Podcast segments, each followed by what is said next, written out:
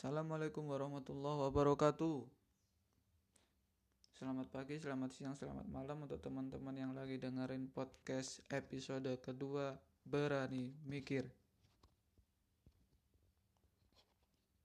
Oke, ini record tanggal 23 Mei 2019 jam 6 pagi. Beruntung banget bisa bangun pagi hari ini habis sahur langsung tadi sholat baca-baca bentar langsung nyiapin materi nyiapin segala hal yang mau mau disampaikan. Berangkat deh podcastan record podcast. Oke sebelum masuk ke topik yang kita bahas topik yang akan dibahas mungkin ada berita duka ya. Berita duka hari ini ataupun dua hari kemarin sebenarnya mulai tanggal 21 itu ya ada situasi yang emang agak genting di Indonesia. Semoga tidak menjadi situasi yang sama pada tahun-tahun sebelumnya yakni mengenai hmm, apa pergerakan massa yang masif dengan adanya perusakan-perusakan tapi juga adanya korban itu yang paling penting mah. Ada korban yang berjatuhan. Dikabarkan ada enam korban jiwa ya yang meninggal. Tadi baru baca kompas. Ada enam korban jiwa meninggal. Ini kan gimana ya? Suatu dilema satu dilema yang mana kita nggak ingin sebelumnya ingin menyuarakan pendapat, ingin menyuarakan hak yang emang dijaga oleh undang-undang, tapi malah ya berakhir dengan hilangnya korban pada masa pergerakan ini. Jadi turut berbela sungkawa atas meninggalnya korban di aksi 22 Mei. Semoga tidak bertambah, tetap semangat juga para penegak hukum TNI Polri yang pagi siang malam menjaga kondusivitas segala pergerakan di semua lini, semua wilayah Semoga tidak ada halangan, tidak ada kegiatan yang masif lagi. Semoga sudah rileks semua, mereda. Kita kembali ke Indonesia yang emang fokus, kemah, ripah, loh Cinawi, sederhana tapi juga merakyat, berinteraksi dengan rakyat, nggak ada apa nggak ada sekat karena pra pilpres kemudian pilpres pasca pilpres ini masih ada sekat banget ya Allah. Hmm, bingung. Jadi ngomongin politik ini mah. Oke kita masuk langsung ya mengenai topik yang akan dibahas. Topik yang saya ambil di kota Malang. Mumpung lagi di Malang selama beberapa tahun ini kota Malang ya. Kota Malang selama beberapa beberapa tahun ini kira-kira udah empat tahun menuju empat tahun apa sih yang ada dan yang mau saya sampaikan? Yakni mengenai hmm, bisa dibilang penataan suatu hal yang emang kompleks di suatu perkotaan.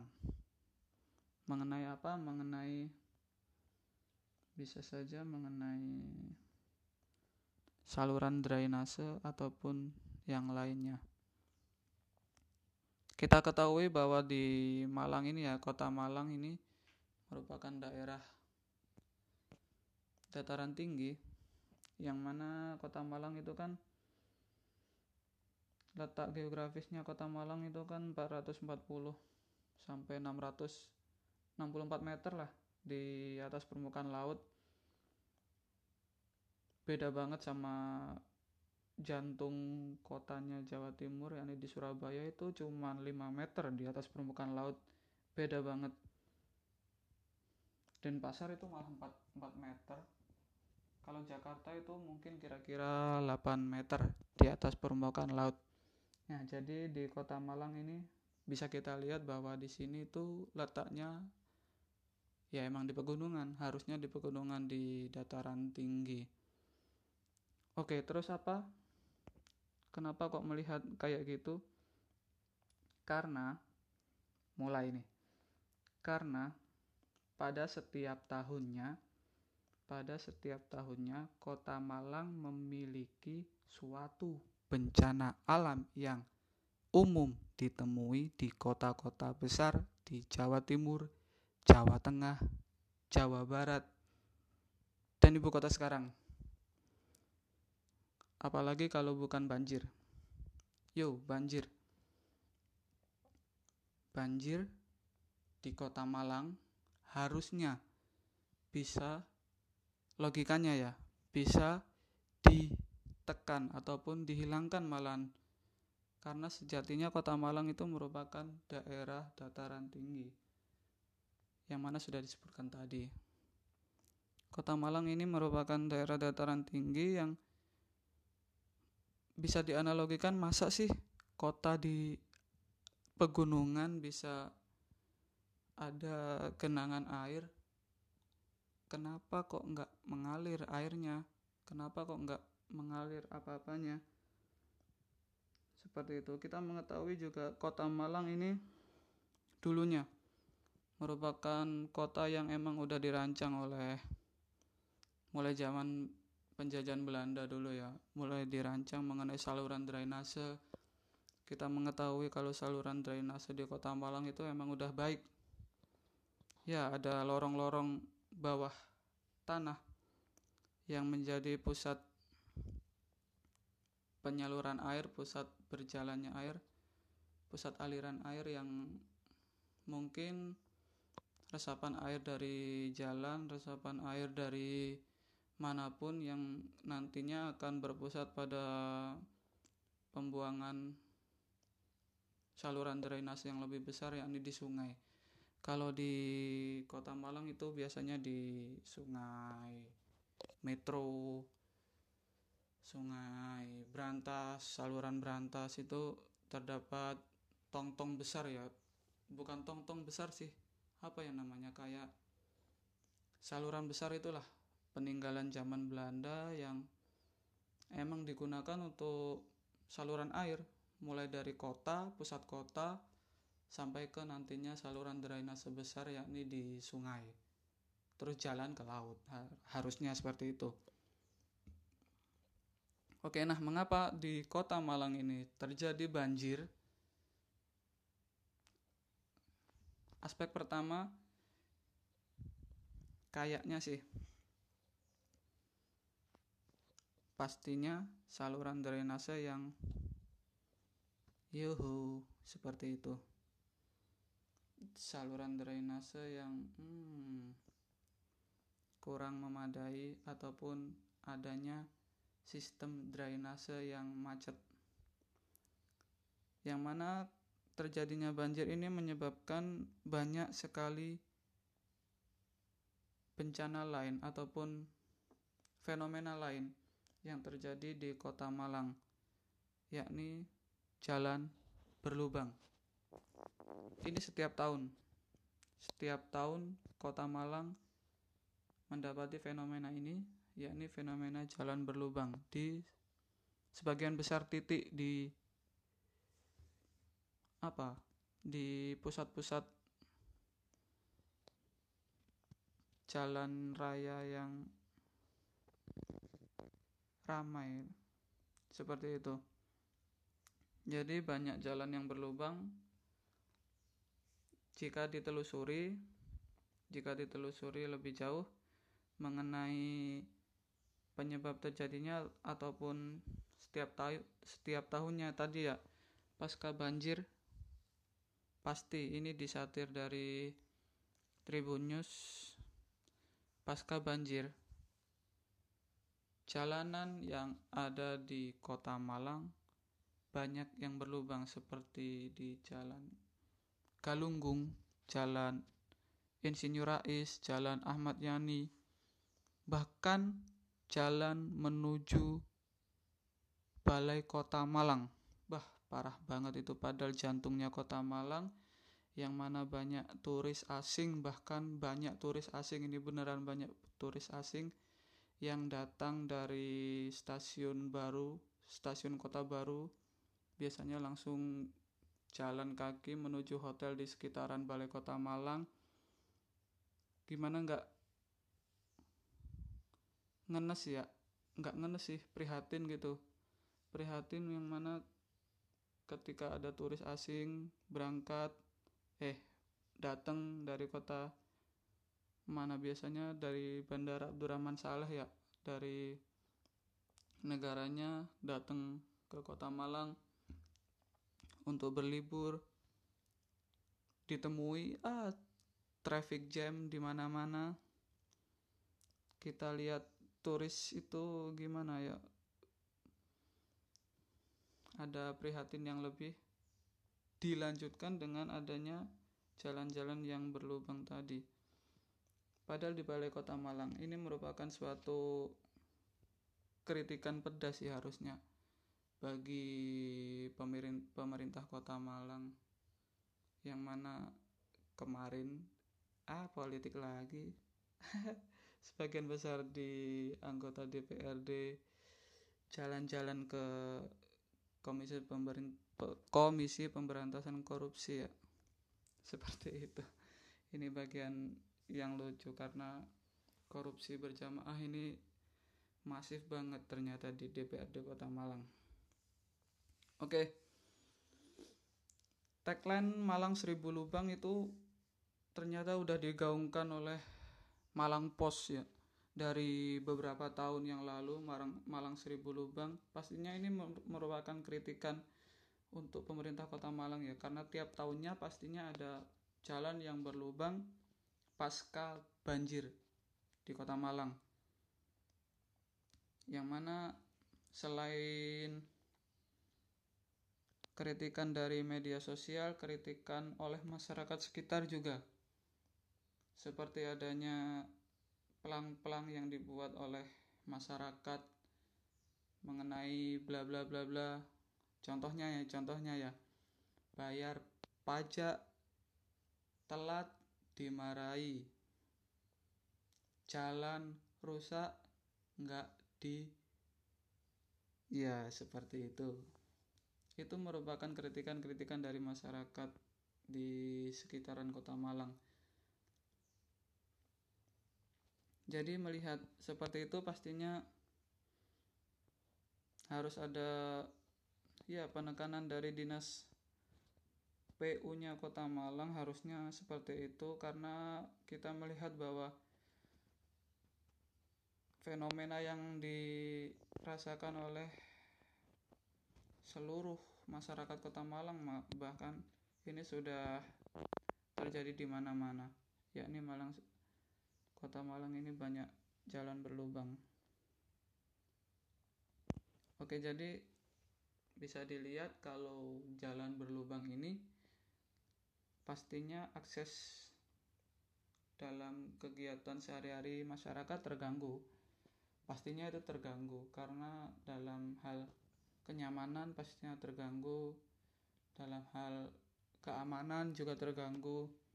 Karena banyak juga korban berjatuhan mulai dari kecelakaan tunggal, kecelakaan yang melibatkan beberapa angkutan moda itu sering terjadi di yang me, yang disebabkan oleh ini jalan berlubang ini. Itu sering terjadi. Jadi diketahui juga kalau kota Malang ini kan banyak wisata alam. Tapi sebenarnya ada di Batu sih. Itu ada beberapa. Kalau di kota Malang ini mungkin pusatnya pendidikan ya. Pusatnya pendidikan harusnya bisa lebih awareness. Kalau pusatnya pendidikan ini pastinya tiap tahun tiap tahun tiap tahun banyak mahasiswa-mahasiswa baru yang datang di kota Malang dengan adanya mahasiswa baru pasti juga ada pertambahan penduduk. Pertambahan penduduk pastinya ada pertambahan angkutan moda. Adanya angkutan moda pertambahan kemacetan. Adanya kemacetan pastinya ada. Seperti itu. Adanya kemacetan pastinya ada. Daya tampung di jalanan pastinya menipis. Kemudian daya tahan tanah ataupun daya tahan aspal itu juga mempengaruhi. Oke jadi kita lihat penyebab terjadinya di sini. Penyebab terjadinya jalanan berlubang ini emang penyebab utama di penyebab utamanya itu emang banjir. Adanya genangan air hujan jalanan rusak itu adanya genangan air hujan yang kita tahu kalau di jalanan Galunggung itu biasanya aku jalan kan biasanya aku lewat jalan Galunggung itu sering sering banget malah tiap hari kalau aku mau akses ke kampus itu biasa lewat jalan Galunggung itu. Kalau tiap emang musim hujan di situ itu emang banjir bos. Banjir banget parah. Di situ nggak nggak parah nggak separah di kota-kota besar lainnya sih tapi di jalan Galunggung itu terdapat genangan yang emang lama banget kalau terjadi luapan air hujan ya jadi mungkin kira-kira setengah jaman lah di situ itu emang aksesnya ditutup karena gara-gara ada genangan air di Jalan Galunggung. Nah, setelah itu pastinya ada ya dikit-dikit ada lubang-lubang di jalanan. Kita mengetahui kalau seperti itu pastinya mungkin saja, mungkin saja akses dari itu terganggu. Nah, wali kota sebenarnya wali kota sama peneliti-peneliti lokal di Kota Malang akademisi-akademisi itu udah rembuk bos. Udah rembuk udah ngomongin mengenai permasalahan ini dan ditemukan karena adanya drainase yang emang kurang optimal. Kurang bergerak secara baik kurang optimal karena mungkin adanya sumbatan-sumbatan mengenai limbah rumah tangga, sumbatan-sumbatan mengenai adanya sedimentasi ataupun yang lainnya. Nah, jadinya meskipun aspal yang dipilih itu merupakan aspal yang paling bagus dengan kualitas yang paling mutakhir, kalau terjadi genangan pasti ada satu dua titik aspal yang berlubang, jalanan yang berlubang. Karena apa? Akademisi di yang sudah rembuk sama wali kota menjelaskan bos kalau di jalanan kota Malang itu daya rekat tanah dan juga aspal itu mempengaruhi. Jadi bayangannya gini ketika ada genangan di jalanan aspal yang terjadi itu kan pastinya nerembes ke tanah juga ke tanah di lapisan setelah aspal Nah, lapisan tanah setelah aspal ini itu bergerak. Jadi ada gerak tanah, gerakan tanah yang mengakibatkan adanya pergerakan juga di mukanya, yakni di aspalnya. Nah, adanya pergerakan tanah ini mengakibatkan aspal menjadi rentan, menjadi kira-kira adanya retakan-retakan seperti itu. Karena di bawahnya itu udah nggak ada tanah bisa dibayangin seperti itu nah karena udah hilangnya sebagian-sebagian tanah yang ada di bawah aspal pastinya lubang-lubang yang terjadi itu semakin besar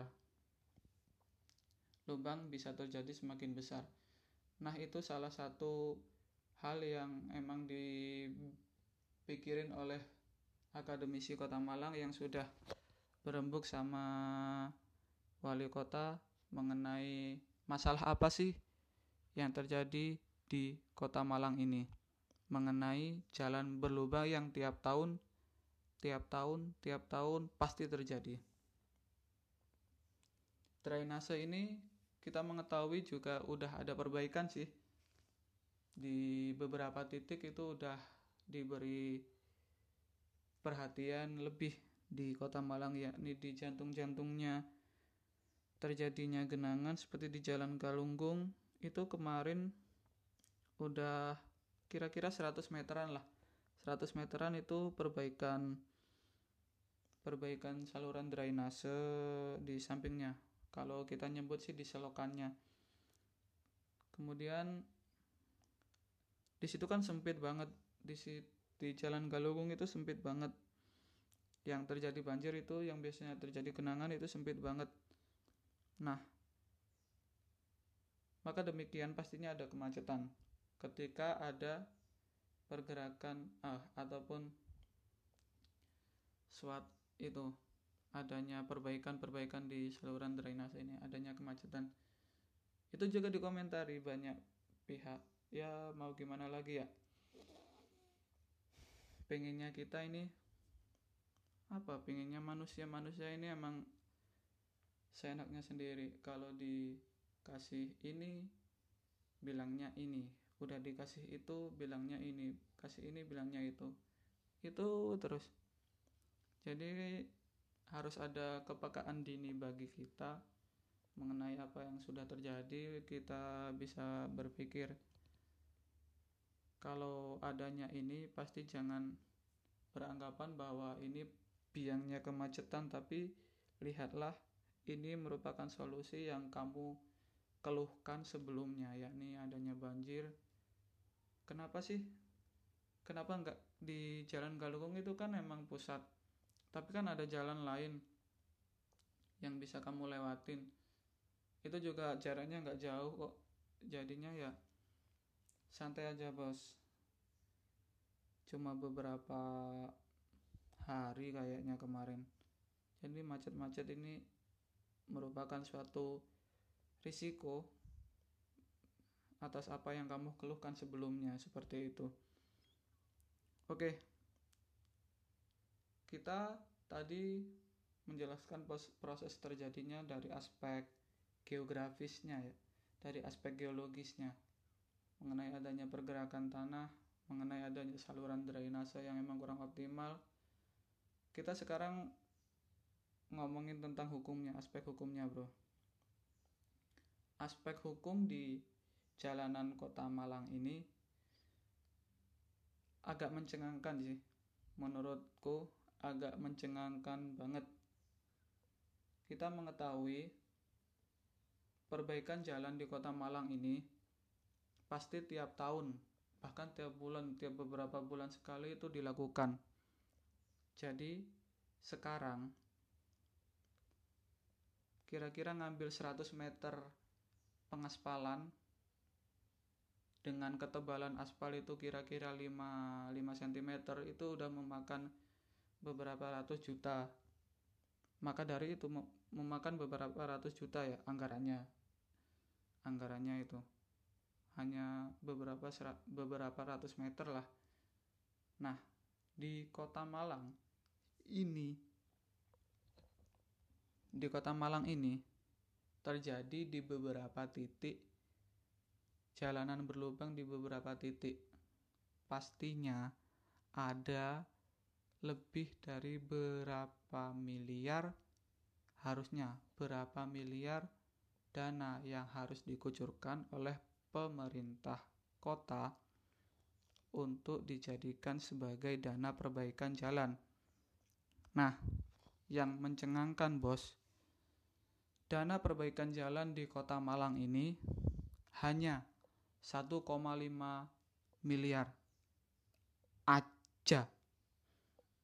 Bahkan lebih kecil dari dana dari pengadaan mobil dinas yang 5,8 miliar.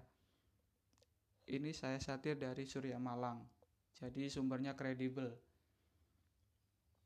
Ini kan agak membingungkan banget ya, agak bikin sakit hati banget bahwa ada fokus utama yang harus dilihat menjadi program pemerintah kota adanya dana perbaikan jalan, adanya dana perbaikan saluran drainase yang emang itu dianggap penting sih harusnya. Kenapa nggak ngikut programnya Pak Jokowi yang kemarin bahwa mobil-mobil yang sebelumnya itu masih bisa digunakan. Mobil-mobil dari menteri-menteri sebelumnya dari periode-periode sebelumnya itu kan masih bisa digunakan. Kenapa harus diberikan anggaran baru digunakan untuk pemeliharaan ataupun pengadaan mobil-mobil dinas yang bahkan ujungnya pun nggak tahu mobil dinas itu digunakan untuk apa seperti itu meskipun memang ada tunjangan bagi para wakil rakyat yang ada di kota Malang seperti itu. Tapi masa bos hanya mobil aja melihat mobil aja menyisihkan hal penting banget menyisihkan hal lain yang lebih penting dari fenomena yang terjadi di kota Malang ini tiap tahunnya sih. Jadi kan ah itu ribet jadinya. Maka dari itu sekarang kenapa tiap tahunnya lamban? Kegiatan perbaikan jalan di kota Malang lamban. Ini karena adanya ini. Anggaran yang sangat minim bahkan di bulan November kemarin di bulan November ya bulan November lah. November Desember tahun 2018 kemarin itu dananya udah habis bos. Eh nggak habis sih nggak habis. Tapi udah menipis banget.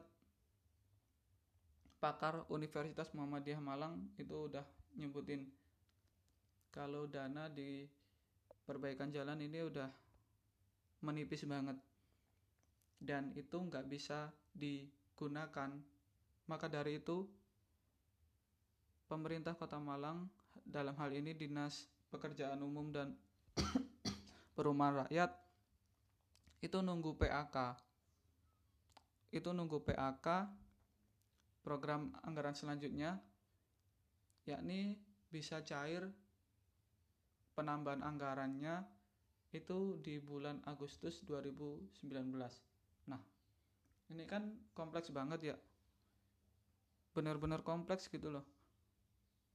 Mengapa hal yang sepenting ini, hal yang emang lebih harusnya lebih dijadikan concern pemerintah Kota Malang. Tiba-tiba acuh untuk digunakan menjadi anggaran-anggaran yang emang nggak penting sih. Pengadaan mobil dinas seperti itu. Maka dari itu harusnya kota Malang ini menjadi kota yang emang destinasi publik. Destinasi yang emang destinasi yang emang nggak ngejatoin harga diri kota Malang seperti itu kemudian yang kedua adanya kebijakan hukum yang menurutku dan menurut dosen-dosenku ini melanggar RT RW Kota Malang. Apa itu RT RW? Rencana, rencana tata ruang dan wilayah Kota Malang. Seperti apa? Seperti ini. Jadi, setiap adanya rancangan tata ruang wilayah ini yang mungkin pengerjaannya itu memakan waktu 10 sampai 20 tahun. Jadi di periode-periode sebelumnya itu pemerintah kota itu membuat rancangan tata ruang wilayah mengenai di mana sih. Jadi kayak lu main SimCity lah. Pada wilayah ini kita gunain sebagai pusat perkotaan. Pada wilayah ini digunakan sebagai pusat perbelanjaan. Pada wilayah ini digunakan sebagai pusat pendidikan. Seperti itu. Kemudian adanya kesalahan di menurutku dan menurut dosen-dosenku adanya kesalahan di penegakan hukum mengenai rencana tata ruang dan wilayah ini, rancangan tata ruang dan wilayah ini. Seperti apa? Kalau teman-teman ngelihat di jalan Bandung, jalan veteran sampai jalan Sigura-gura itu merupakan suatu kawasan pendidikan yang emang sudah tercantum di RT RW-nya Kota Malang dari zaman kira-kira tahun 1900-an. Itu udah dirancang bahwasannya jalan veteran dan juga jalan Bandung dan sekitarnya itu merupakan suatu kawasan pendidikan yang emang digunakan untuk pembangunan di sektor pendidikan. Oke, fix itu harusnya fix. Tapi, tapi pada tahun 2000 awal terdapat mungkin bisa dikatakan apa ya kesalahan rancangan RT RW ini. Yakni di sepanjang jalan ini ada satu pusat apa? Pusat mall yakni Malang Town Square di sampingnya ada MX Mall atau yang sekarang jadi Transmart. Itu merupakan suatu pembangunan yang emang udah dilanggar oleh pemerintah kota sebelumnya. Karena apa? Karena sebelumnya RT RW itu udah dicantumkan bahwa di RT RW Kota Malang sekitaran jalan itu udah harus dijadikan pusat pendidikan di Kota Malang. Maka dari itu mahasiswa-mahasiswa, siswa-siswa yang ada di sekitaran Kota Malang, sekitaran Jatim ataupun mahasiswa dari luar pulau itu terpusat di Jalan Veteran, Jalan Bandung, Jalan Sigura-gura seperti itu. Karena adanya pusat perbelanjaan ini, Mall Matos dan juga MX Mall pastinya ada masalah baru. Dan ini udah di udah berusaha ditolak oleh mahasiswa-mahasiswa sebelumnya. Mahasiswa mahasiswa sebelumnya yang emang mendemo kebijakan dari pemerintah kota sebelumnya. Karena apa? Pastinya ini merupakan suatu langkah yang tidak tepat karena apa? Pastinya nantinya ada masalah baru dan sekarang sudah dirasakan yakni terjadi banjir. Dan sekarang sudah dirasakan adanya banjir yang emang terus terjadi di kawasan tersebut di Jalan Veteran. Karena apa? Karena dulunya di pusat perbelanjaan yang sekarang itu Dulunya itu merupakan suatu kawasan lahan daerah resapan air. Di situ itu masih digunakan persawahan dulunya, Bos. Persawahan ataupun hutan ya, pokok menjadi daerah resapan air.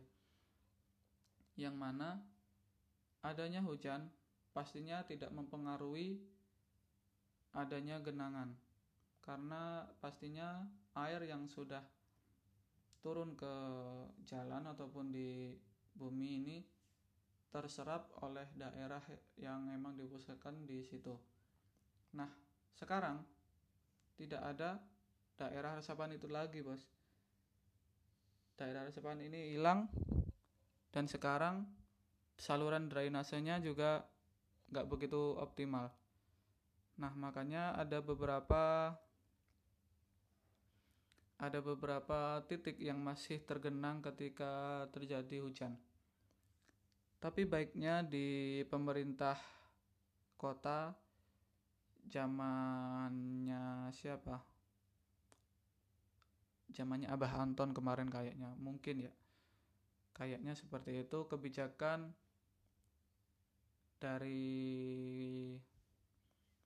kedua mall ini yakni harus harus membangun saluran drainase untuk alihnya jalan eh alihnya aliran air yang di permukaan untuk bisa langsung turun ke bawah permukaan secepatnya. Yakni di samping-samping mall ini udah di bangun mengenai selokan-selokan besar yang agak besar sih untuk aksesnya aliran air di sekitar mall tersebut. Ini merupakan langkah yang emang baik, tapi seharusnya bisa ditingkatkan lagi. Ini merupakan langkah baik karena kiranya meskipun ada titik yang emang masih tergenang udah efisien lah. Meskipun terjadi permasalahan selanjutnya ya ini kemacetan. Itu merupakan salah satu indikator yang lain. Tapi bisa mungkin mungkin bisa dibahas di episode selanjutnya.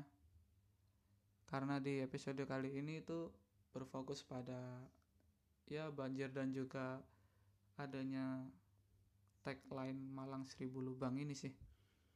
Seperti itu. Jadi itu tadi penyebabnya. Kemudian ada lagi mengenai dampaknya. Dan kita lihat sekarang di Ini saya ambil dari BMKG-nya Karangploso, yakni badan yang berfokus pada di Malang itu ada Karangploso dan juga Karangkates. Di Karangploso itu berfokus pada badan meteorologi, tapi di Karangkates itu di pusat biasanya gempanya di geofisikanya. Jadi di BMKG Karangploso ini memberikan suatu informasi publik yakni Kota Malang yang sekarang merupakan Kota Malang yang udah relatif panas bersuhu yang relatif tinggi. Karena pada tahun-tahun sebelumnya di tahun 97 tahun 2006 2010 itu adanya peningkatan suhu rata-rata tahunan di Kota Malang. Bisa kita lihat bahwa di 97 itu BMKG Karangploso menyebutkan suhu rata-rata tahunan di Kota Malang itu 23 derajat sekian, 23,4 derajat Celcius dengan suhu tertinggi itu 3, 30 30 derajat.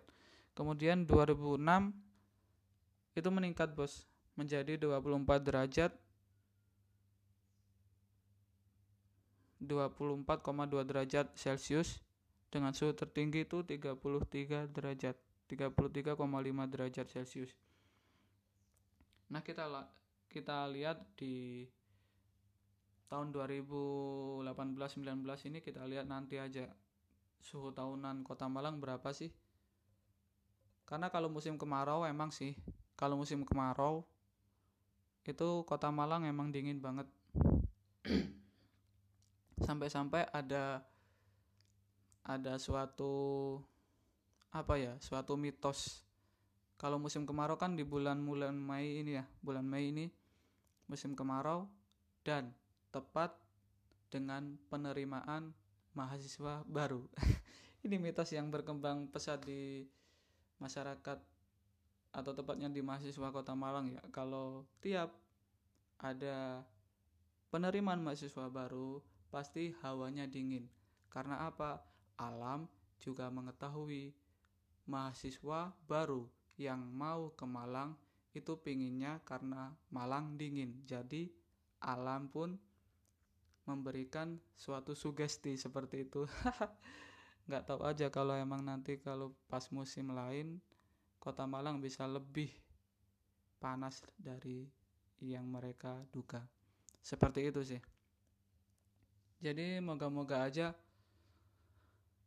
solusinya ya moga-moga aja di anggaran di rancangan anggaran selanjutnya pemerintah bisa lebih sistematis bisa lebih fokus pada kegiatan kegiatan penting yang harusnya dilakukan terlebih dahulu sebelum adanya pengambur-ngamburan uang atau pengambur-ngamburan anggaran yang emang tidak penting dan itu tidak bisa digunakan nantinya. Kemudian harusnya ini solusi yang kiranya bisa dilihat bisa diambil apa enggak sih?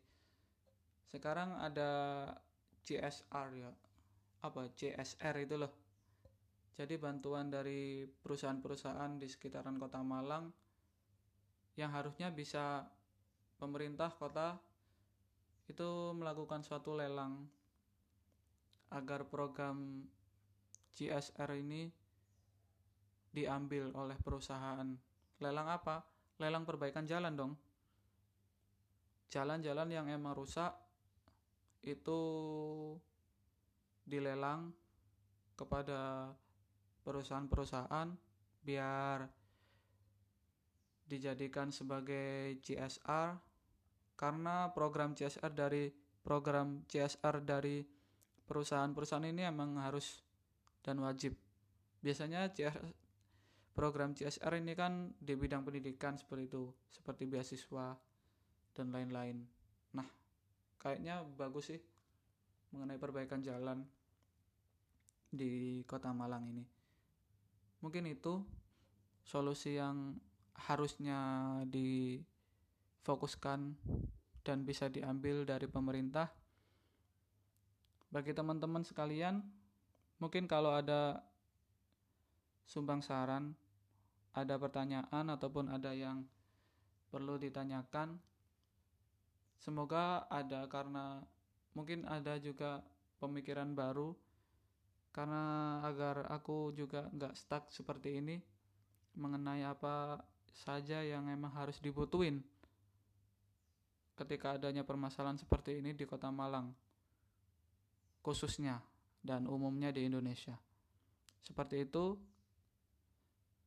butuh banget sumbang saran dari kalian pemikiran kalian.